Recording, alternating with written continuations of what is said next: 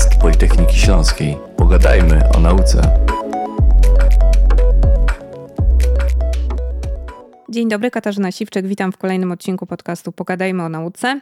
Dzisiaj e, ze mną Magdalena Barosz, e, studentka studiów architektury wnętrz na Wydziale Architektury Politechniki Śląskiej. Dzień dobry. Dzień dobry. Będziemy sobie mówiły po imieniu, ponieważ poznałyśmy się już na e, For Design Days, na imprezie, która odbywała się niedawno w Katowicach i to właśnie tam zobaczyłam po raz pierwszy coś takiego. Legowisko dla kota, zrobione ze starego telewizora. Powiedz e, słuchaczom, jak wpadłaś na pomysł, żeby zrobić takie cudo? Powiem szczerze, że to już było jednak jakiś czas temu, jakieś dwa lata temu, czy trzy. I szczerze powiedziawszy, nie pamiętam już, co mnie pokusiło. Pamiętam tylko, że ja bardzo chciałam mieć kota. Bardzo. Natomiast mój mąż się na to absolutnie nie zgadzał. I e, wiem, że przeglądałam wtedy aukcję i właśnie ten, ten telewizor wpadł mi w oko. Bo po prostu był ładny. On sam w sobie ma niesamowity design, więc e, e, on mi wpadł w oko. Stwierdziłam, że że kupię go, zobaczę. I przeszukiwałam wtedy internet i gdzieś chyba wpadł mi po prostu e, w oko właśnie takie legowiska i stwierdziłam, kurczę, to jest świetny pomysł wtedy wyobraźnia poszła Oj, w tak. ruch i zaczęło się e, działanie, bo Oj, e, tak. ten telewizor za chwilę e, nieco się zmienił. Mhm. To był na pewno nie zbyt tani zakup, bo domyślam się, że takie musimy tutaj słuchaczom trochę opowiedzieć o tym. To jest stary telewizor z PRL-u z kineskopem tak. i on musiał trochę kosztować. Bo mimo wszystko takie gadżety z PRL-u są teraz. Y, są, no tak, myślę, że one są w cenie. Mhm. E, natomiast nie pamiętam już, ile za niego dałam, ale nie była to jakoś, e, jakaś przerażająca kwota, bo staram się jednak, jeżeli kupuję takie rzeczy, to wynajdywać je w jak najlepszej cenie. Samo wytapicerowanie wnętrza tego telewizora też nie, nie stanowiło jakiegoś problemu, bo Miałam już wcześniej w domu i gąbki tapicerskie, i, i materiały. Mm, ja lubię się takimi rzeczami bawić, więc, e, więc zawsze gdzieś tam w domu gdzieś te gąbki tapicerskie są i, i cała reszta przyrządów, które służą do tapicerowania. No i jakoś tak po prostu stwierdziłam, no dobrze, no to zabiorę się za to. I co poszło y, pierwsze? Kineskop? Kineskop. To trudna sztuka, bo gdyby ktoś chciał sobie sam teraz przerobić. Myślę, że najtrudniejsze w tym wszystkim było to, że kineskop był bardzo ciężki. A ja jestem drobną kobietą, więc e, wyciągnięcie takiego sporego kineskopu to faktycznie wymagało ode mnie dużej tężyzny fizycznej. Kolejnym problemem było to, że niektóre śrubki, jak wykręcałam, one były już przegniłe, trzeba było je wymienić. Dużo elementów też już zostało nadgryzionych przez ząb czasu, więc trzeba było użyć lakierów, użyć, e, użyć farb, żeby je odnowić. Wnętrze tego, tego telewizora przedstawiało się naprawdę tragicznie wręcz. Tam e, były kable, które już nie stykały. To wszystko było bardzo zakurzone, bardzo brudne. Ale udało się. Efekt finalny e, zaskoczył. Na targach hmm. mogliśmy to zobaczyć na własne oczy. Na targach zresztą e, nie tylko na stoisku Politechniki Śląskiej był prezentowany ten projekt, ale także inne projekty twoich kolegów, koleżanek tak. z wydziału. Rzeczywiście takie projektowanie mm, z użyciem starych mebli, starych gadżetów jest teraz modne? Myślę, że taki trend już istnieje od dobrych kilku, jeżeli nawet nie kilkunastu lat. To jest trend zwany upcyclingiem, czyli to jest przetwarzanie zużytych produktów, zużytych materiałów w nowy sposób, który nadaje im większą wartość. Oczywiście ta wartość bywa czasami względna. To nie jest tak, że robiąc takie legowisko od razu to legowisko nie wiadomo jaką inwestycją się staje. To, to wcale nie, nie, nie o to chodzi. Ale dla mnie to legowisko ma ogromne znaczenie. Natomiast wiem też, że kiedy kupowałam ten telewizor, mm, pan, który mi go sprzedawał, zapytał, czy mam chęć przerobić go na stolik. Czyli jest jeszcze inny sposób na tak. przerobienie tego typu tak. gadżetu. E, myślę, mhm. że, że właśnie ten trend już istnieje od, od właśnie jakiegoś czasu. Pamiętam kilka lat temu e, był taki trend na przerabianie palet. Tak. Do y, dzisiaj możemy spotkać takie meble z palet na przykład tak. w niektórych kawiarniach w oczywiście, regionie. Oczywiście, że tak. Ja sama w mieszkaniu, kiedy jeszcze mieszkałam w Krakowie, miałam właśnie um, łóżko zrobione z palet, miałam szafę zrobioną z palet. Mm, to było zrobione przez mojego wujka, który um, lubi stolarkę. Nie jest stolarzem, ale, ale lubi się właśnie bawić. Amatorem. Tak, tak. Lubi się bawić już na emeryturze, więc e, lubi się takimi rzeczami bawić. I właśnie tacy ludzie bardzo często przetwarzają takie rzeczy, robią z nich coś nowego. To jest wspaniałe, naprawdę. I tu na Wydziale Architektury również to robicie. Jakie jeszcze projekty mogliśmy zobaczyć? Może opowiedz słuchaczom, bo y, oni nie mieli okazji y, widzieć tego wszystkiego, co my. Oprócz mnie jeszcze wystawiała się e, moja koleżanka Anna Całus. Ze starych opon stworzyła stoliki, stolik i kwietnik właściwie. E, one były owiązane sznurkiem jutowym, e, klejonym właśnie na tej, na tej oponie. Do tego były dodane nóżki.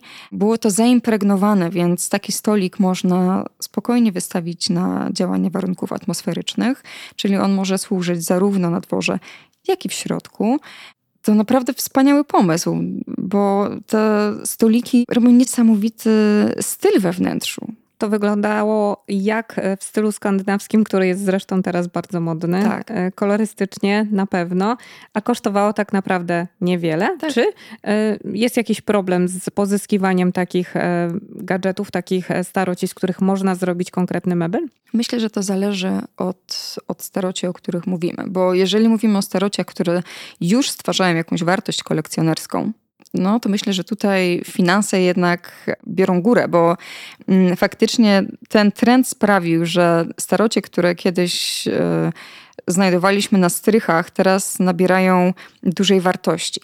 Mm, ale jeżeli są to rzeczy, na przykład jak, jak opony, które, mm, które trudno jest zutylizować, to myślę, że tutaj będzie troszeczkę łatwiej. Chociaż spotkałam się już, jak przygotowywałam się do tej rozmowy, spotkałam się z aukcją, na której sprzedawane były stare opony na zrobienie stolika. O proszę, czyli już powoli biznes się kręci. Dobrze, porozmawiamy o tym, że e, upcycling troszeczkę różni się od recyklingu, który mhm. już nam jest dobrze znany. Z tym słowem już się osłuchaliśmy i obyliśmy. Czym to się różni? Recycling polega na tym, że z danego produktu otrzymujemy ten sam produkt w nowej wersji, czyli z papieru otrzymujemy papier, z plastiku otrzymujemy plastik. Natomiast co ważne, wiem na czym polega recycling, to już nie jest dla nikogo nowością. Mm, natomiast istnieje jeszcze taki termin jak downcycling. E, polega to na tym, że niestety po którymś przetworzeniu ten materiał nie nadaje się do kolejnego przetworzenia, nie nadaje się już do recyklingu. Szczególnie widać to w przypadku papieru, w przypadku plastiku. Jeżeli plastik jest słabej jakości, e, czasami może zostać przetworzony tylko raz. Takiej wysokiej jakości papier może zostać faktycznie przetworzony kilkukrotnie, no ale w końcu te włókna papieru ulegają skróceniu i on może zostać tylko i wyłącznie kartonem. Są materiały, które można faktycznie przetwarzać wielokrotnie, to są przede wszystkim metale, no ale tutaj upcycling jednak nas ratuje w tym przypadku. Dlaczego? Spojrzałam na stronę Głównego Urzędu Statystycznego. I tam są raporty z ochrony środowiska za zeszłe lata. I tak z ciekawości po prostu chciałam zobaczyć, ile średnio w Polsce e, jest odpadów komunalnych, ile kilogramów przypada na jednego mieszkańca. Okazuje się, że za 2022 rok to jest 355 kilogramów. To są odpady komunalne na jednego Polaka. No i zaczęłam drążyć dalej i chciałam zobaczyć, jak to wygląda w Unii Europejskiej. No i tutaj jest coraz bardziej przerażająco. Bo jak wypada Polska? Całkiem nieźle. Mhm. Całkiem nieźle. Otóż średnio mieszkaniec um, Unii Europejskiej generuje 527 kg rocznie. A my? 355. Czyli jest troszkę lepiej, ale ten upcycling mógłby w tym pomóc? Myślę, że tak. Myślę, że tak. W jaki sposób przekonywać w takim razie y, mieszkańców y, regionu, w ogóle y, ludzi, obywateli y, do tego, żeby y, starali się inaczej spojrzeć na te swoje stare meble i być może dali im drugą szansę? Myślę, że najważniejsze jest tutaj dawanie przykładu. Jeżeli pokażemy ludziom, w jaki sposób można y, zmienić jakiś produkt, jakieś tworzywo w coś oryginalnego, w coś e, z duszą, e, ludzie zaczną się do tego przekonywać, bo nie chcemy mieszkać w takich samych domach. Wszyscy nie chcą mieć tych samych mebli z tego samego popularnego sklepu. Dokładnie tak. O którym wszyscy pomyśleliśmy teraz. Tak. Więc e, co zrobić? Jeżeli patrzymy na jakiś stary mebel, to wydaje nam się, że no on nam już nie posłuży, więc może po prostu poczekajmy, aż będzie zbiórka gabarytów. Zazwyczaj tak to wygląda. No niestety. Ale przecież jest teraz bardzo duży popyt na rzemieślników, na tapicerów, na stolarzy, na ludzi, którzy e, odnawiają e, stare zegary, czyli na zegarmistrzów. Przecież ten, ten zawód już praktycznie zniknął. Ale u mnie w mieście spotkałam się właśnie z zegarmistrzem, który specjalizuje się w starych zegarach, więc jest potrzeba.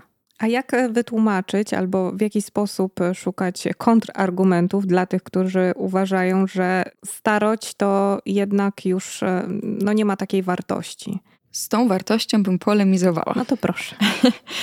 Otóż, jeżeli design tego produktu był dobry, jeżeli on był sygnowany nazwiskiem projektanta, jeżeli on powstał w jakiejś szkole e, projektowania, w jakiejś szkole, która miała konkretne przekonania co do, co do wartości swoich produktów, to bardzo często takie meble, takie akcesoria, takie dekory, one z czasem nabierają właśnie wartości. I tu chodzi o taką wartość finansową, tu chodzi o nawet inwestycje w takie, w takie meble. Przecież dobry design jest naprawdę wartościowy. I to widać. I on z czasem nabiera właśnie tej wartości.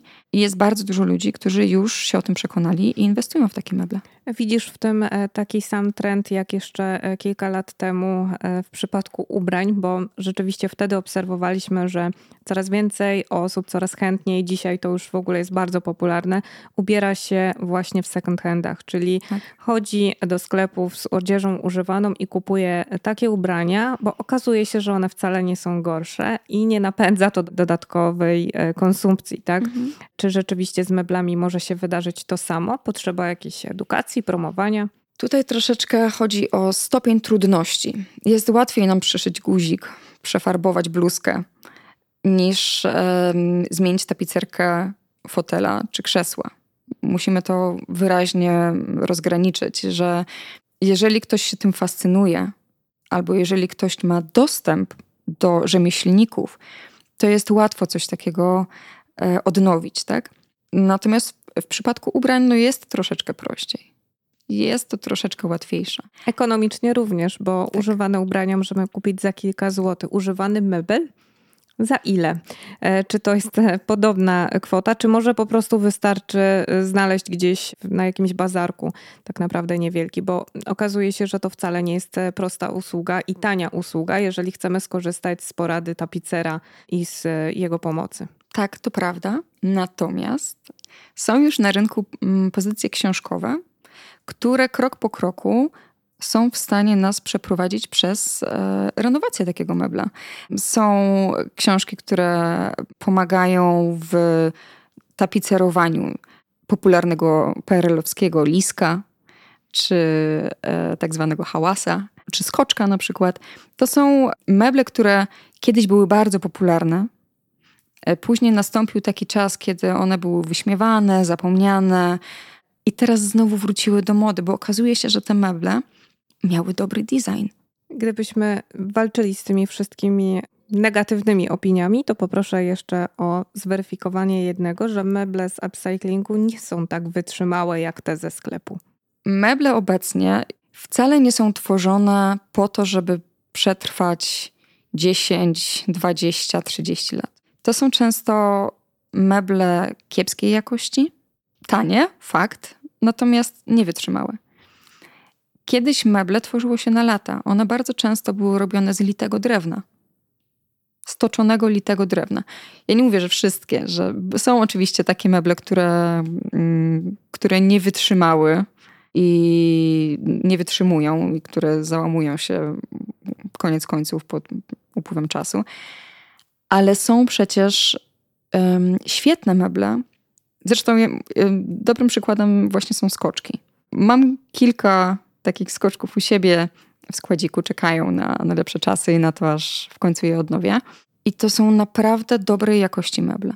To w co inwestować? Co jest taką dobrą inwestycją na przyszłość? Jaki stary mebel? Bo on na pewno zyska za chwilę, albo po dodaniu, po lekkim liftingu y, będzie jeszcze bardziej cenny. Myślę, że warto się tutaj y, zaopatrzyć w takie kompendium wiedzy o meblach z PRL-u. To jest seria takich małych książeczek, jest ich zdaje się 7 czy 8. I tam są wypisane konkretne meble z PRL-u, z projektantami, z latami, w których były produkowane, więc może warto po prostu zainteresować się tymi meblami. Zachęcasz do odwiedzania jarmarków staroci? Tak. tak. Osobiście znalazłaś tam jakieś perełki? Oj tak, bardzo dużo. Bardzo dużo. Mam w domu sporo staroci, e, sporo antyków nawet. Jest na Śląsku kilka punktów, w których można nie tylko mówię tutaj o designie, ale także o antykach, w których można ten, te antyki e, dostać. Przepiękne szafy, witryny. A jak rozpoznawać dobry mebel od e, takiego, który już jednak jest nie do uratowania? Bo e, ktoś, kto się na tym nie zna, może potrzebowałby takiej porady, żeby no nie kupić czegoś, co już jest podgnite albo gdzieś jest jakiś robal w środku schowany. Jak my to mamy rozpoznać? Niestety w przypadku jakichkolwiek e, insektów, które są, są w drewnie, trudno to, to rozpoznać. Oczywiście, że są tam jakieś otwory, które mogą sugerować, że on już został gdzieś tam nadgryziony i coś tam już się dzieje. Mm, natomiast to nie jest do końca tak, że taki mebel jest nie do uratowania. Są sposoby na to, żeby, żeby podać taki, taki Truciznę. Taką truciznę, tak, taką truciznę temu, temu biednemu robalowi, który tutaj jest Bogu ducha winny tak naprawdę. Są na to sposoby. Są sposoby na uratowanie tego mebla, więc e, może czasami nie stawiajmy krzyżyka, dopytajmy. E, faktycznie jest coraz więcej osób, które się tym zajmuje, jest coraz więcej ekspertów, e, którzy się tym zajmują. I może czasami warto znaleźć gdzieś w pobliżu kogoś, kto się na tym zna.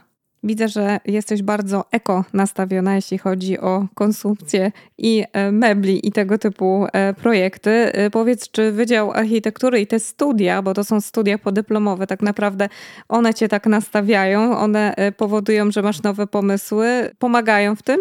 Myślę, że one w jakiś sposób uświadomiły mi, że to, co już robię od lat, jest czymś dobrym.